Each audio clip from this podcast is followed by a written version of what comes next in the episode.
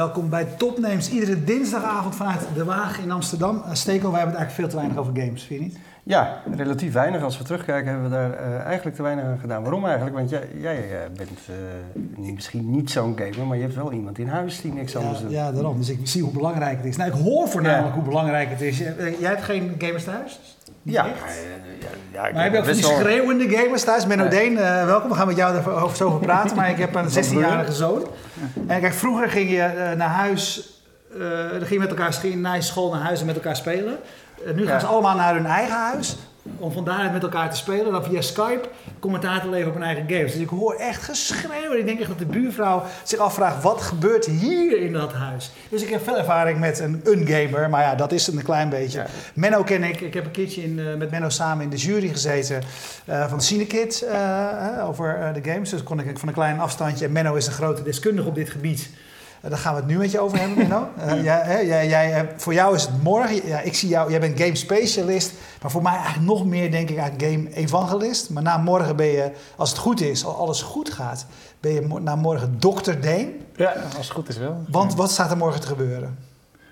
Ja, morgen is de promotie. Dus ik ga morgen promoveren op het gebied van games en motivatie.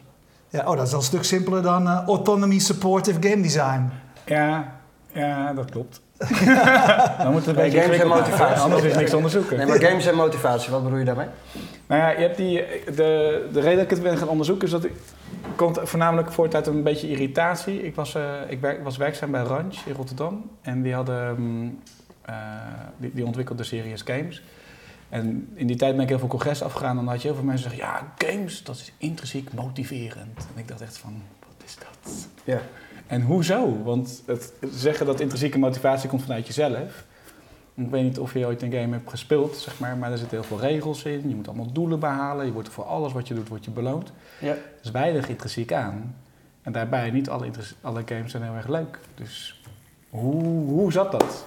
Daar begon eigenlijk mijn zoektocht. En ik was vooral benieuwd van wat is nou datgene wat je spel zo interessant maakt. En toen kwam ik autonomie uit. Hey, en als het over mot motivatie en games gaat, waar, waar heb je het dan over? Motiveren tot wat? Nou, in mijn onderzoek gaat het uh, over motiveren tot leren of motivatie tot bewegen. Um, maar voornamelijk kun je een spel inzetten om de motivatie ten opzichte van iets wezenlijks uh, positief beïnvloeden. Hey, en en uh, motivatie leren of, of bewegen, waar, waarom is het in eerste instantie is games gewoon leuk? Toch?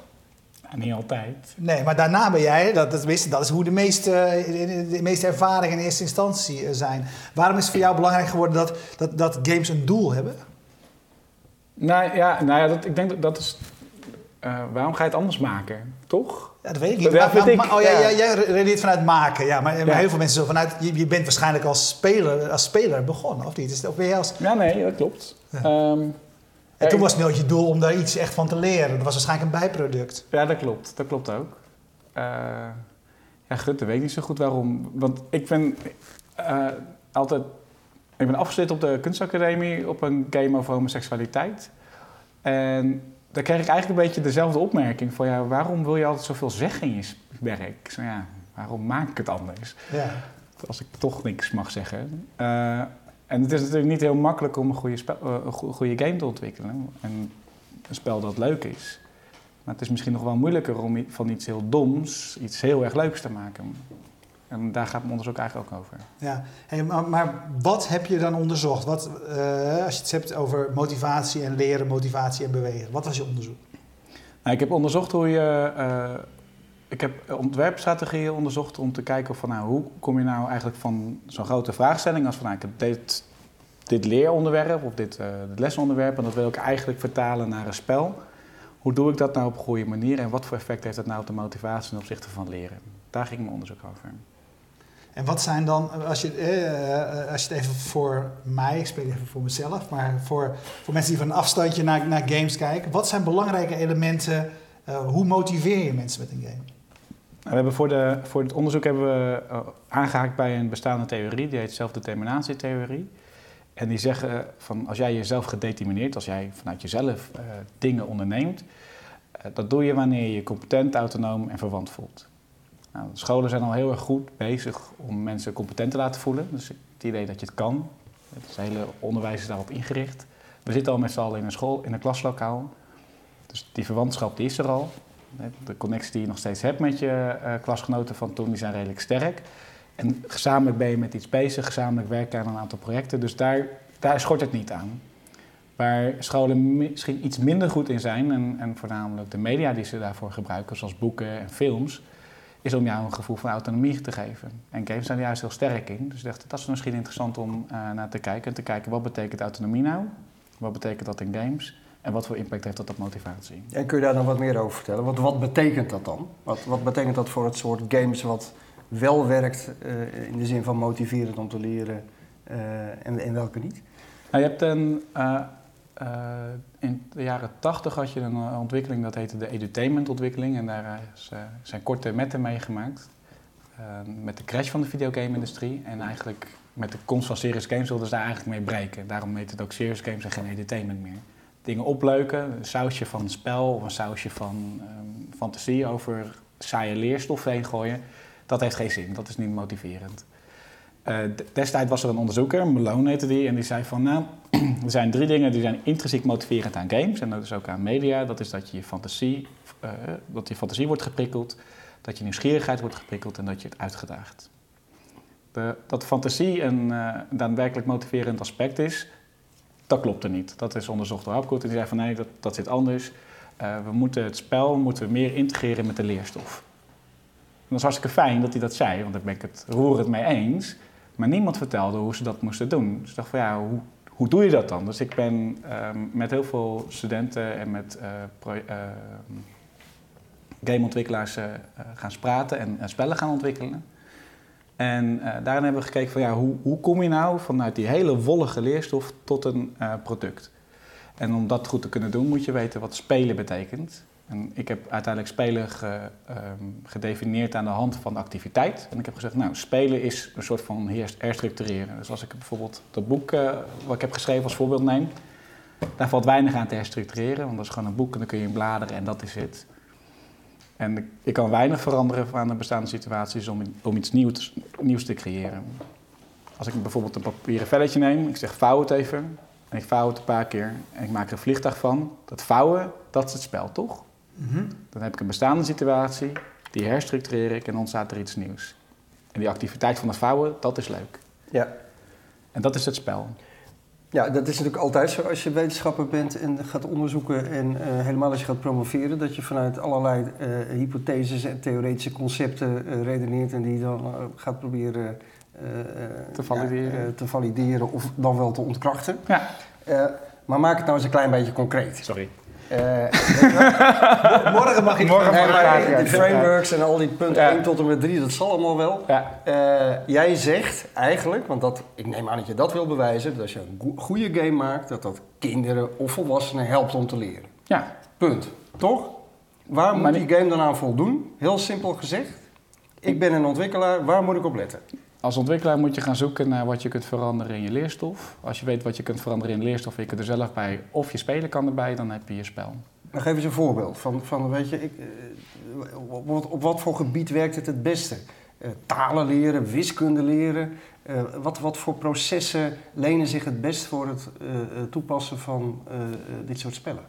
Nou, ik denk als jij je, je, speler een bepaalde eigen, eh, agentschap op zijn eigen handen wil geven. Dus als je, in plaats van dat je zegt, je, eh, als je, eh, je bijvoorbeeld eh, dat je woordjes moet leren, zo'n vocabulaire, dat is vaak een beetje stampen en in je hoofd krijgen. Ja. Maar woorden leren gaat niet, over, of een taal leren gaat niet over woordjes stampen. Het gaat over relaties leggen tussen een bepaald object en een vorm. En dat, dat is allemaal wat complexer dan dat. Ik denk, wij hebben bij Randje is er een game ontwikkeld die heet de Checkout. En in Checkout gaat het om A1 van de taalontwikkeling van het Engels. En daarin eh, werden mensen met z'n vieren in een omgeving gestopt. En die omgeving was niet zo goed ontworpen, want ze raakten elkaar de hele tijd kwijt. Dat was niet per se de doelstelling van het spel in eerste instantie, maar uiteindelijk bleek dat het meest leerzaam, omdat ze in de chatchannel met elkaar gingen praten en zeggen van, hé, hey, waar moet ik heen? Ik moet daarheen en hoe ga jij daarheen? En dat is precies A1 van het Europees eh, raamwerk om, eh, van tweede taalontwikkeling. Dus zodra jij ehm, gebruikers eigenlijk de mogelijkheid geeft om zelf een eigen leerproces uh, in gang te stellen en je creëert de kaders daarvoor, dan maak je een goede game. In mijn opinie. Ja.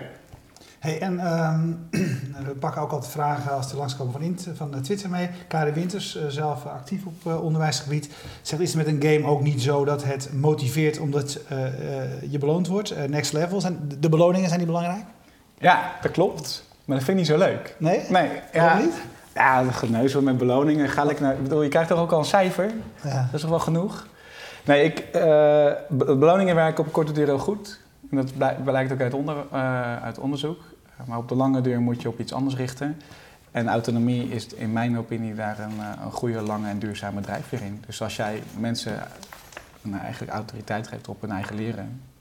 En dat doe je niet door tijd te zeggen dat het goed is. Nee, eh, eh, ik redeneer volstrekt vanuit NS1, hè, of NS2 misschien. Want ik heb, twee, ik, heb, ik, ik heb twee kinderen. En ik probeer bijvoorbeeld, mijn zoon was een klein beetje te helpen met wiskunde. En dan zeg ik tegen hem, ja, maar je moet als een spelletje zien. Dat is het eigenlijk ook, wiskunde vind ik. Het oplossen van een puzzel, hè? dat is wat het is. Ja, dat, dat argument in ieder geval komt bij hem helemaal niet over, zeg maar.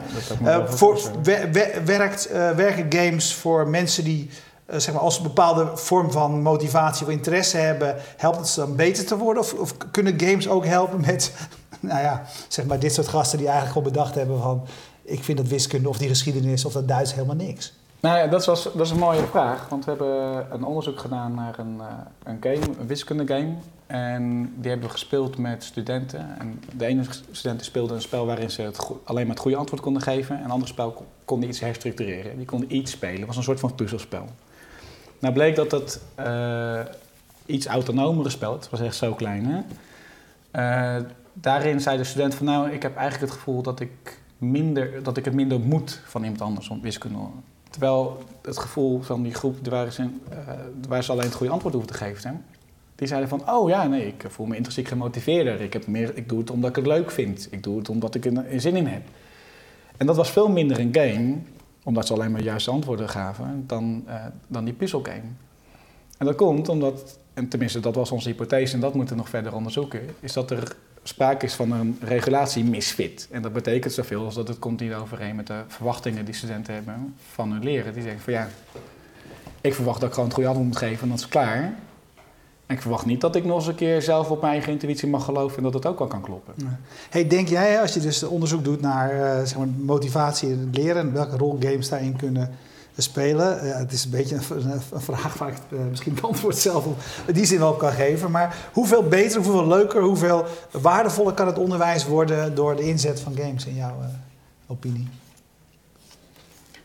Ja, ik, dat vind ik een beetje een moeilijke vraag. Want uh, dat zou suggereren dat je een soort van schaal hebt waarin je dat kunt meten. Ja. En volgens mij moet je games gewoon zien als een extra en een additioneel leerinstrument. Wat, wat boeken heel erg goed doen is een soort van theoretische leergang ondersteunen. En wat games heel erg goed doen, is een wat pragmatischere uh, benadering. Dus veel meer leren door trial en error, veel meer proberen en uitproberen en veel meer op je intuïtie spelen.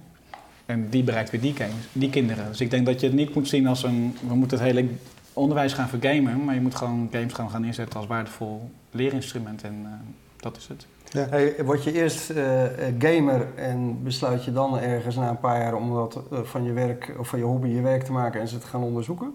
Of, of werkt het andersom? Ja, maar ik was eigenlijk een beetje verrast.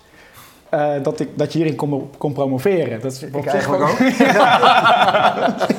Dus ik vond het wel prettig. Ik denk, oh, dat is leuk. Ik zit even te kijken, je hebt hier een ludologie. Dat ja, woord goed, ken ik niet. Uh, je hebt wel altijd uh, references en een biografie. Maar hier staan alle games die jij oh, gespeeld hebt. nou, je hebt je echt helemaal suf gegamed volgens mij. Nou ja, dat, ik heb hem ook zo even gelezen, dus... Uh...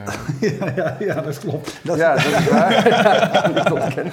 nee, maar in welke volgorde, hoe, hoe is dat bij jou gegaan? Je, je, was waarschijnlijk, jij speelde heel graag games en ja, raakte er steeds meer in geïnteresseerd. Ja, ja. ja nee, ik, denk ik. Ik ben eigenlijk gaan studeren omdat ik uh, games wilde maken. Ik, was, uh, ik heb de kunstacademie gedaan, toen ben ik naar de universiteit gegaan om te kijken van hoe, hoe zit het in elkaar. En ik ging er eigenlijk heen met het idee van, oh, dan leer ik wat dure woorden om om mijn games beter te verkopen en mijn producten beter te, uh, in de markt te zetten. En En toen kwam ik achter dat het toch eigenlijk wel ietsje meer was dan dat. En dat het een bepaalde abstractie en een, eh, een bepaalde afstand is. En dat je er wat meer over kan zeggen. En dat je ook onderzoek kunt doen naar... Ik heb bijvoorbeeld onderzoek naar een boom gedaan in World of Warcraft. Dat is echt super tof. Ja. Ehm, maar... Ja, dat, dat vind ik dan alweer lastiger. Want uh, je, het verhaal wat je tot nu toe vertelt is heel erg gericht eigenlijk op het ontwikkelen. Weet je, ontwikkelings, ontwikkelframeworks voor mensen die weet je wel, motivatie bij mensen willen stimuleren. Ja. Uh, tegelijkertijd, um, ja, in, in, je, in je case studies beschrijf je inderdaad gewoon bestaande games. Mm -hmm. uh, hoe werkt het daar dan? Want die zijn natuurlijk niet ontwikkeld. Uh, World of Warcraft is niet ontwikkeld om de motivatie bij mensen te stimuleren. Dat is niet het doel. Het doel is een vette game te maken waar ze heel veel geld mee kunnen verdienen. Ja, dus dan moeten mensen motiveren om te blijven spelen. Ja, om te blijven spelen. en ook, maar, ook buiten een spel weer allemaal dingen te ondernemen. Er worden events georganiseerd, er worden producten gelanceerd. Er, worden, die, er gebeurt buiten World of Warcraft zoveel meer als in het spel. Dus ik, ik vat dat er simpel op dat het een puur commerciële activiteit is? Nee, dat is zeker een commerciële activiteit. Ja, maar dat heeft er niet zoveel te maken met die ideële doelstellingen die jij net formuleert? Nou ja, maar ik wil gewoon de heel en dat zei zij niet. Maar dat wil niet zeggen dat ze het, nog, dat ze het heel goed doen. Oké, okay, uh, uh, Pokémon, Red and Blue. Ja, dat is fantastisch. ja, wat is de relevantie ervan? Dat is mijn vraag. Wat de relevantie ervan is? Ja. De, de relevantie ten opzichte van wat? Nou ja, het staat in een boek wat jij geschreven hebt om dokter oh. in, in de... Sorry, ja, dat is een goede vraag. ja, ik, ik begrijp, ja, ik, moest even de relevantie tot leven of zo nemen. Maar de, de relevantie ten aanzien van het onderzoek is dat daar... Uh, Pokémon is echt super goed ontworpen. Er zitten, uh, er zitten heel veel uh, vormen van vrijheid in, van autonomie. En hoe zij dat vormgeven en hoe zij daar kleur aan geven door middel van gameplay en, en, en spelontwerp daar heb ik lering uit getrokken. Oké, dus je kijkt echt naar hoe is zo'n game gedesigned, waarom is hij zo succesvol en welke elementen zou je mee kunnen nemen naar een, een project wat je zelf wil. Dat, dat is eigenlijk goed werkt. Absoluut. En, en vice versa. Hè? Je leest in een boek en dan denk je van nou, hoe zit de theorie, past dat binnen dat spel? Oh, dat past ook binnen het spel. Of je ontdekt het van binnen het spel en denk je, hé, hey, dat is interessant. Zoals die boom in World of Warcraft. Hoe zit dat? Ja, wat is er met die boom? Ja, die boom was heel grappig. Die boom, die boom was een soort van brink midden... Ja, sorry. Maar die, boom, die boom was een soort van brink midden in, de, in die virtuele stad. En je kunt in, die, in dat spel kun je gewoon door elkaar heen lopen. Dat maakt niet uit. Dus je kunt elkaar eigenlijk nooit echt in de weg staan.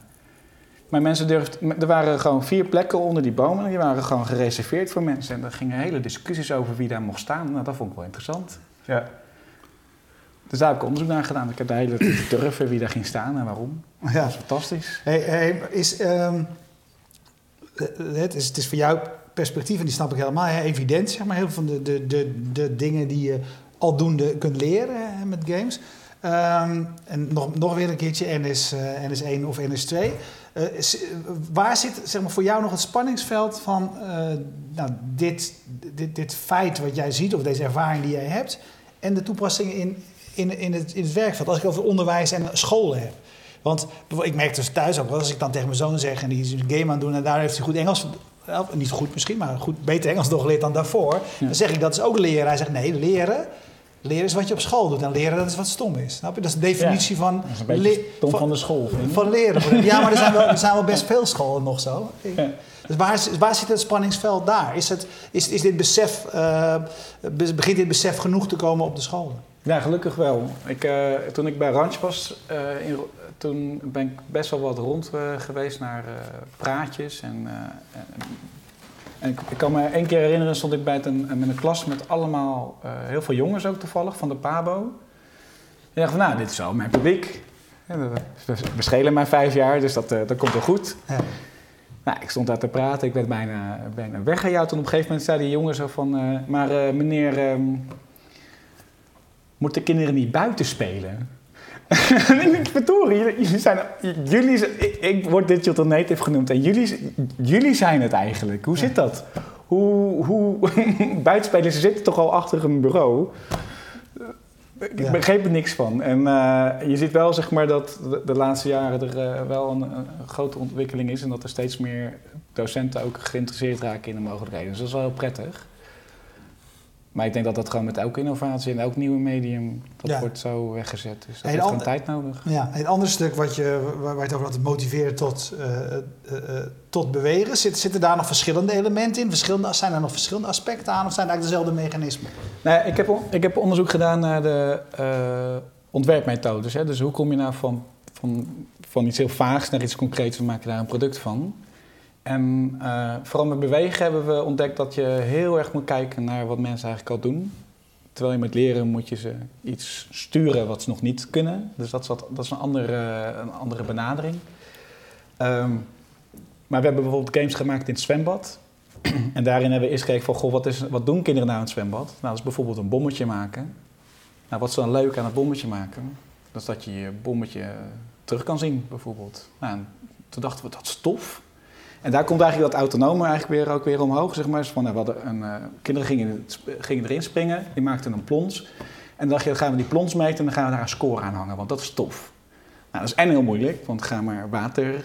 Um... Ja, hoe hoog de druppel komt of, de, of wat uit, ja, hoeveel water je verplaatst of wat dan ook. Nou, dat is niet te doen. Nee. nee. Dus dachten we, nou, dan doen we dat niet. Uh, maar hoe doen we het dan? Dachten we, nou, misschien als de computer niet kan, er staan ook mensen omheen, maar die kunnen het wel. Dus als we hun nou laten beoordelen wat de goede plons is. En toen begon het opeens te lopen, want daarvoor vonden, gingen de jongens wel het water in springen. En dan deden ze dan, uh, hadden ze een puntje en dan zeiden ze, ja, is prima, doen we nog drie keer, klaar.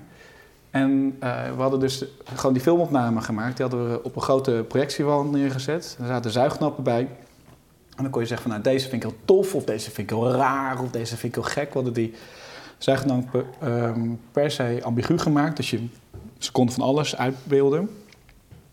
En toen zij dat daarmee bezig waren, kwamen ook de meisjes erbij. En die gingen schoonspringen, die gingen kijken hoe ze heel mooi erin kon springen. Toen gingen de jongens heel ludiek erin springen. En vervolgens waren ze al 15 keer ingesprongen zonder dat ze dat echt heel erg door hadden ten opzichte van die drie keer toen ze er een score voor kregen. En toen dachten wij, hier, hier hebben we iets te pakken, want dit is heel waardevol. Volgens mij, want we hebben gevraagd of je wat filmpjes wilde meenemen. Heb je daar ook niet een filmpje van bij? Hè? Ja. Dat, dan moet je van die cue geven. Oh, dat was de cue, hè? Ja. ja. Je moet dan kijken of Martinez die uh, uit zijn aanbod kan halen. Nog een klein beetje kunnen laten zien. Ja, wat je, dit, zijn, dit is een, showreel van alle 30 plus games die we hebben ontwikkeld in drie jaar. Hier hangt iemand voor een groen scherm en dan wordt die uh, uitgeknipt. Dan kun je Tetris spelen met je eigen lichaam. En dit is een soort van uh, multiplayer pong, waarin er een bal in het midden is en waarin je met je armen zo'n bal heen en weer moet bewegen. En dan moet hij in die scherp terechtkomen. En wat heel grappig is, is dat je in deze spellen zie je dat mensen heel erg contact met elkaar leggen.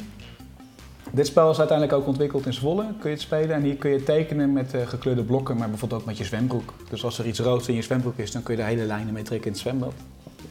En dat nodigt uit tot een heleboel verschillende uh, games die je kunt ontwikkelen. En deze vind ik zelf het allermooist. Hierin uh, kun je je eigen ticketje spelen en dan kun je een kleur aan iemand doorgeven. Maar je krijgt een hele gekke, heel gek contact met iemand. Je hoeft iemand niet aan te raken, maar je bent wel dichter in de buurt dan normaal. En dit is het bommetje waar ik het over had. Ja. Hey, uh, mensen ze eenmalig zeg maar, activeren uh, is één ding. Ja. Uh, hoe doe je dat zeg maar, structureel? Want dat is natuurlijk uiteindelijk het doel. Ja, dat weten we ook niet. Nee. Dus dat gaan we uitzoeken. We, ja, hebben, we hebben nu een subsidieregeling lopen voor die zwemgames. Want we weten nu heel goed hoe we die mensen kunnen uitnodigen om te bewegen. En mijn collega Rob Tiemen, met wie we dit hebben ontwikkeld. en alle andere studenten die daar heel hard aan hebben gewerkt natuurlijk die, uh, daar zijn we gaan kijken hoe we dit in ieder, in ieder geval op de lange duur uh, aantrekkelijk kunnen maken. Hey, hoeveel onderzoek wordt er? Uh, ben jij een eenling? Zijn er heel veel mensen die aan het onderzoeken zijn op het gebied van de games? Ja, ja, ja. ja gelukkig wel. En zijn we, zijn we als Nederlanders daar, daar goed in? Ik ben er heel goed in. Ja, ja dat, dat, horen, dat horen we morgen wel, ja? Hey, wat ik ook wel interessant vind, hoe, hoe werkt dat binnen een uh, universiteit? Want dat is natuurlijk geen klassieke studierichting of zo, weet je. Ik bedoel, gaming of gameonderzoek. Dus hoe, hoe werkt dat? Zweef je tussen psychologie, uh, sociologie en de meer designachtige dingen in? Hoe, hoe moet ik dat zien? Ja, ik kwam ook uh, eigenlijk pas in het tweede jaar van mijn studie achter dat ik bij industrial design promoveerde. Dus dat uh, gaf op zich een, opeens wel heel veel richting aan mijn uh, onderzoek. Maar ik denk dat, waarom geeft dat dan richting? Want, Omdat het over ontwerpen dan gaat. Ja, nee, maar goed, dat, je, je kwam er toen pas achter. ja, ik, ik, bedoel, ik kan me voorstellen dat juist psychologie uh, misschien wel veel belangrijker is. Klopt. Dat was ook de eerste, dat is wel waar het eerste gaan kijken inderdaad. Maar er is, game, game theorie is, is bij definitie eigenlijk al uh, multidisciplinair, omdat het nog niet bestond, bestaat pas eigenlijk sinds 2000. Ja. Dus ze hebben de uh, afgelopen, ja, heeft iedereen er wat van gezegd. En vooral film, filmtheater, film, nou, filmtelevisie, Film- en televisiewetenschap. Juist. die, ehm, die hebben zich daar voornamelijk heel erg in gepositioneerd. Maar je ziet nu ook dat ook uh, vanuit de psychologie daar steeds meer aandacht en interesse voor is. Maar het is een beetje afhankelijk van welke, van welke universiteit en welke discipline je komt natuurlijk. Want als je vanuit sociologie komt, dan, hè, dan probeer je dingen te verklaren, terwijl de geesteswetenschappen dingen proberen te begrijpen. Ja. En de industrieel designers willen dingen ontwerpen. Dus die willen weten hoe dat werkt, hoe je dat kunt ontwerpen. En dat expliciet maken, zodat het toegankelijker en makkelijker wordt voor, um, voor ontwerpers zelf. Ja, maar dat laatste heeft dus ook nadrukkelijk jouw interesse. Ja. Uh, of is in ieder geval, uh, je bent daar in ieder geval heen gegroeid. Ja, precies. Want ik wist in eerste instantie ook niet zo goed wat ik nou ging doen. Ging ik nou zo'n validatiestudie doen waar, waar de hele game-industrie om zat te schreeuwen? Ik vind het wel mooi, hè? Iemand die promoveert en daar geen idee. Jij geen idee, hè? Ja, nou ja. Idee. Dat is toch wel fijn, toch? Ja, ik vond het ook prettig. Dat is prachtig als kan. Ja. Ja, en waar ben jij dan uh, waar, in afgestudeerd, afhankelijk? Ik promoveer uh, bij industrial design. Nee, maar daarvoor, wat was je studierichting? In geesteswetenschappen. Geesteswetenschappen. Ja, maar ik okay. heb natuurlijk een achtergrond als kunstacademicus. En ja. daar ligt toch allemaal hard. Ja. Dus ik vond het wel prettig dat ik het dan toch naar het ontwerpen kon En dan was je cirkel ook wel weer rond. Ja, dus ja. eerst begrijpen, dan verklaren, of dan eerst begrijpen, dan uh, bewijzen en dan... Uh, Oké, en ga je nou, wat, wat, is, wat, wat, ga je dan verder straks, ik ben benieuwd hoor, ga je verder het onderzoek in, omdat je het waanzinnig leuk vindt? Of uh, ga je nou juist leren toepassen wat je hebt geleerd al die jaren in het maken van hele mooie games? Ja, het liefst beide. Ja. Want um, we zijn nu bezig bijvoorbeeld met uh, games in therapie. Om te kijken hoe we jongeren uh, kunnen helpen met het verwoorden van dingen die ze hebben. Ben je vanuit de universiteit daarmee bezig? Of ben je vanuit de hogeschool is dat. Ja, daarin werken we samen met um, de GGZ en de Mondriaan Stichting. En dan werken we met jongeren met externaliserende problematiek. En dat is zoveel dat je uh, vooral je omgeving vooral tot last bent, omdat er iets is wat je niet zo goed om kunt gaan met je emotie of snel agressief wordt. Uh, we hebben daar een tal, een drietal games voor ontwikkeld, waarvan twee ik heel erg bijzonder vind. Dus dat eentje is een, um, daar hebben we ook een filmpje van, toch? Ja, ik denk dat dat, je, ja, wordt, je wordt er al wel beter in ja, de cues, hè? Goed, hè? Ja. gaat Martinez eens even aan het zoeken. Uh, studenten van de Fontes ICT hebben dit gemaakt. Uh, het is een hele ruwe versie nog. Uh, ze hebben dat in vier weken ontwikkeld. Hier gaat het over een scenario waarin je als cliënt tegen iemand bent opgebotst op het station. En dan kun je bepaalde emotiegevoelens bij bepaalde categorieën slepen. En normaal gesproken heb je daar een formulier voor, gewoon een tabelletje, en dan moet je dat gaan opschrijven. En dat, dat werkt ook goed, alleen cliënten geven vaak aan dat ze weet ik niet, uh, geen woord voor. Bla. En toen wij dit neerlegden bij cliënten en uh, eigenlijk al een half ingevulde, ingevuld scenario aan lieten zien, zegt ze ja, nee, dat klopt niet en dat klopt niet en dat klopt niet. Zeg, waarom niet dan? Hij zei ja, ja dat, dat, is gewoon niet zo, want het was helemaal niet geïrriteerd. Het was gewoon een eikel, weet je wel. En zo had je eigenlijk een, een medium waarin je heel makkelijk kon, een gesprek op gang kon brengen over moeilijke onderwerpen. En we zijn nu bezig um, met de rading in Utrecht om te kijken of, je, of we dat nog een stapje verder kunnen krijgen en het kunnen hebben over uh, kinderen die seksueel zijn misbruikt. Om dat uh, makkelijker bespreekbaar te maken. En daar hebben we ook al een prototype van, maar die kan ik nog niet laten zien. Hey, maar zo'n geval als dit, hè, hoe motiveer je hè, die, die, die, mensen om hier aan, aan mee te doen? Want waarom zouden ze?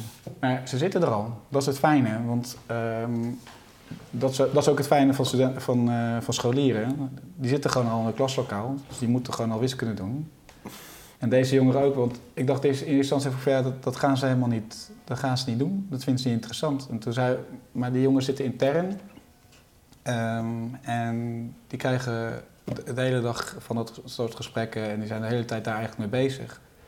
Die, zijn al, die vinden het heel normaal om even over hun emoties te praten, maar vinden het vaak moeilijk om de juiste woorden daarvoor te vinden. Dus het enige wat wij doen is hun helpen met het vinden van de woorden.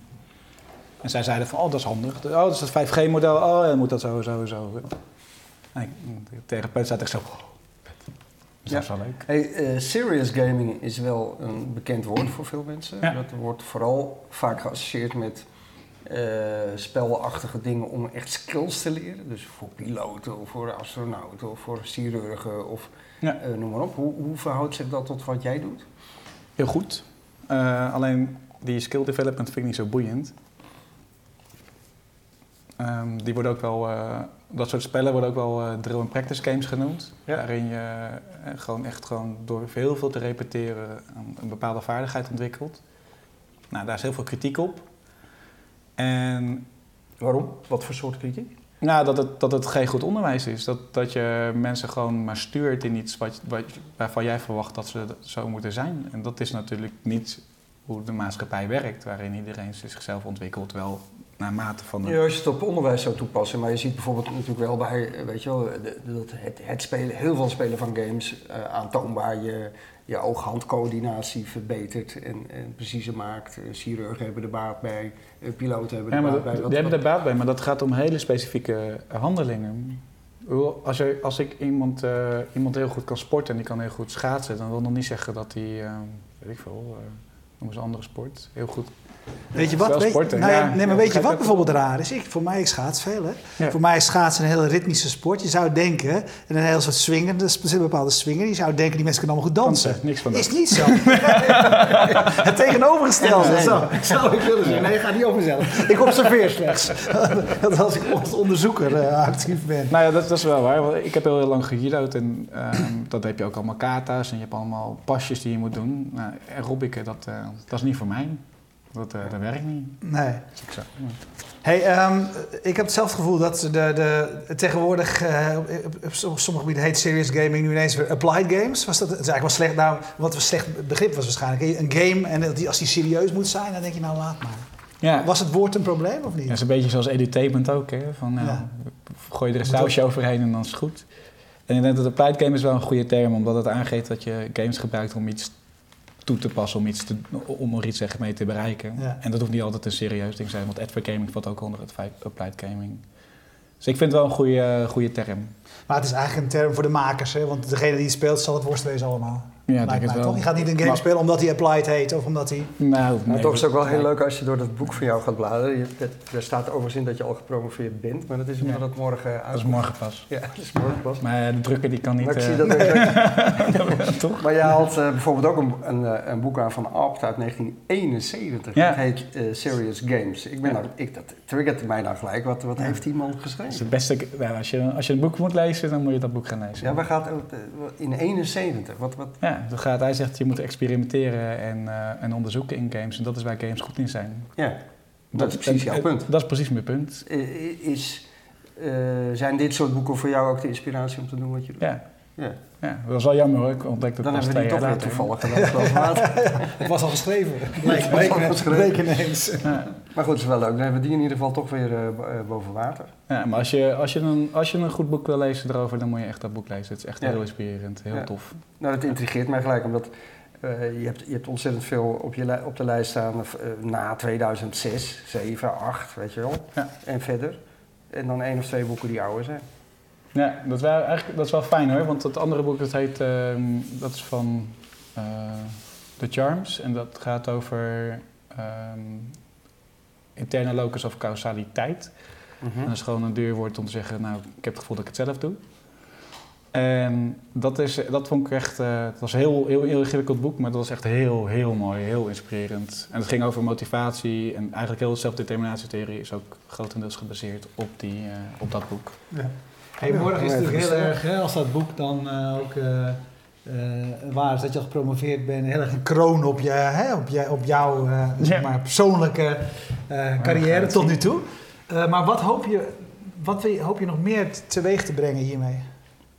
Behalve, je, behalve dat je morgen zelf trots kan zijn dat je dit bereikt hebt. Nou, het lijkt me zo fijn en als mensen begrijpen waarom de definitie spelen als herstructureren zo belangrijk is. Ik heb uh, spel gedefinieerd als een herstructureringsproces, zeg maar, waarin je fout. Het enige wat je als ontwerper maar hoeft te doen is te zeggen: wat kan ik herstructureren in deze leer, uh, leerstof of in deze boodschap of in, in, in deze uh, lastige situatie, in deze emotie die ik heb. Waar kan, waar kan ik bij en waar kan ik iets aan veranderen? En als je dat hebt ontdekt, dan heb je eigenlijk al je spel. En volgens mij kun je dan echt tal van toffe spellen maken. En dan, dan, dan krijgen we niet weer van die spellen dat je eerst een paar rekensommetjes op moet lopen en, of op, oplossen. En dat je dan door een deur mag, dan een heel leuk spel mag spelen en dan weer een rekensommetje moet oplossen. Hè. En dan wordt het, wordt het rekensommen oplossen zeg maar, een integraal onderdeel van de spelervaring. En dat is volgens mij veel krachtiger en ook veel beter uh, besteding van je tijd. Dus de speler die moet kunnen herstructureren. Ja. Die moet de middelen krijgen, die moet zelf zeg maar aan de, aan de slag kunnen. Ja. Dus ik hoop dat de ontwerpers dat zien en dat, uh, daar, daar de waarde van inzien. En ik merk bij mijn studenten dat ze daar heel veel mee kunnen. Dus dat is fijn. Maar nu nog uh, de echte grote mensen. Ja. ja. ik vind het uh, waanzinnig interessant. Volgens mij staan we aan het begin van een. Uh, nou, we staan echt aan het begin van een ontwikkeling nog. Hè? Als je ziet hoe, hoe snel games het dagelijks leven hebben doordrongen en ja, wat voor potentie er nog zit in, het, in er ook iets nuttigs van maken, denk ik dat we. we zijn al 40 jaar bezig, hè? Ja, maar, het, ja, maar zit wel heel Op de mensheid. Ja, ja oké. We zijn een paar miljoen jaar bezig, maar er is natuurlijk wel heel veel veranderd de afgelopen jaren in de beschikbaarheid van, van ja, elektronische games. Ja. Uh, zie je dat als een kans of maakt het weer ingewikkelder? Nee, ik zie het als een kans. Ja, dat is fantastisch. Iedereen heeft gewoon een computer op zak. dat is wel kicken, hè? Ja. Daar kun je een heleboel mee. Oké, nou succes morgen, want je moet het natuurlijk verdedigen. Ja. Uh, niet, uh, ik hoop dat je niet al te lastige vragen krijgt, maar over het algemeen valt het wel mee bij een promotie. Ik weet het niet. Misschien ja. kunnen we daar wel een soort voorbeeld van maken, dat wij soort opmaat een beetje doen voor het promovendi. Ja. Nee, ontzettend leuk dat je er was. En het is echt zo'n ding dat je denkt van, we moeten nu maar even onze mond houden, anders gaan we er een uur en anderhalf uur van maken. Dat is eigenlijk een beetje het gevoel wat ik hiervan heb. Dus kom graag nog een keertje terug in een... Uh, we gaan ons even goed inlezen en dan uh, nodigen we je nog een keer uit. Ja, we hadden dat nog niet gelezen, dus dat kunnen we ja, nog gaan doen. Nou, top. Ontzettend bedankt. Uh, jullie bedankt voor het kijken. We danken Streamzilla uit Groningen die ervoor zorgde dat je dit live kon bekijken. En je weet allemaal, fastmovingtargets.nl is het adres om dit soort uitzendingen terug te kijken of via ons YouTube kanaal. Uh, en uh, ja, als er dan toch eentje is die je moet kijken, zou ik die voor vorige week van Wim de nog even kijken, Stekel. Die vonden wij ontzettend leuk. We waren trots ja. dat hij hier wilde zijn. En het was ook een, een mooi, uh, mooi mediaverhaal van een, van een mooi mens. Dus kijk die ook nog eens terug. Maar kijk je nu live, blijf dan kijken, want zo direct praten we verder over games. Dankjewel. Dag.